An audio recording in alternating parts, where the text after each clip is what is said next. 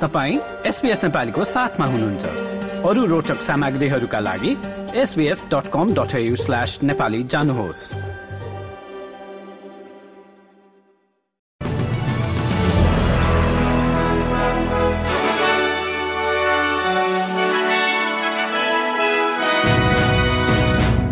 नमस्कार आज बिहिबार अठाइस सेप्टेम्बर सन् दुई हजार तेइस। अब पालो भएको छ एसपीएस नेपालीमा आजका मुख्य समाचार संक्षिप्तमा सुन्ने।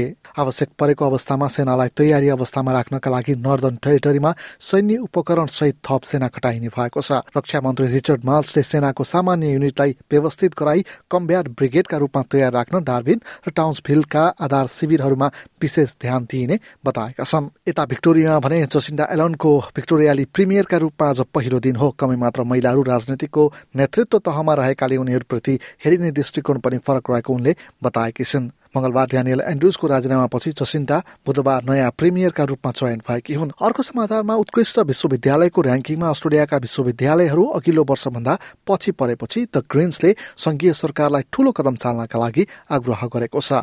मेलबोर्न विश्वविद्यालय उत्कृष्ट पचास मध्ये सैतिस नम्बरमा पर्न सफल भएको छ भने उत्कृष्ट सयमा छवटा अस्ट्रेलियन विश्वविद्यालय परेका छन्। अर्को समाचारमा चाहिँ कतार एयरवेजको अस्ट्रेलियामा थप उडानको प्रस्ताव अस्वीकृत गरेको विषयमा केही उच्च सरकार सरकारी अधिकारीहरूले संसदको छानबिन समिति समक्ष बयान दिएका छन्।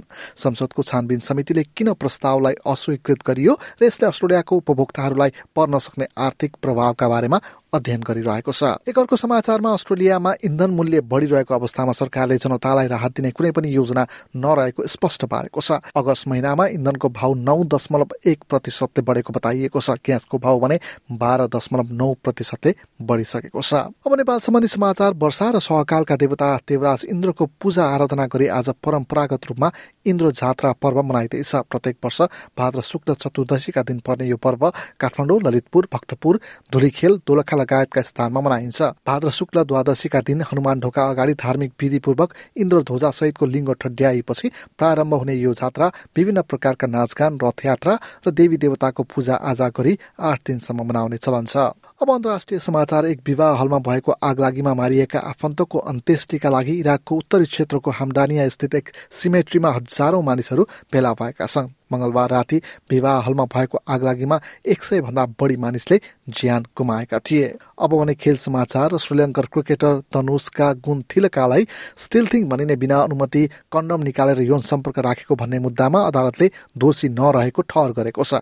बत्तीस वर्षीय क्रिकेटरमाथि टी ट्वेन्टी वर्ल्ड कपका दौरान सिडनीमा रहँदा टिन्डरमा भेटिएकी उन्तिस वर्षीय महिलासँग बिना कन्डम यौन सम्बन्ध राखेको आरोप लागेको थियो। हस्त यसका साथै एसपीएस संक्षिप्त समाचार यति नै। सुरक्षित रहनुहोस्। नमस्कार।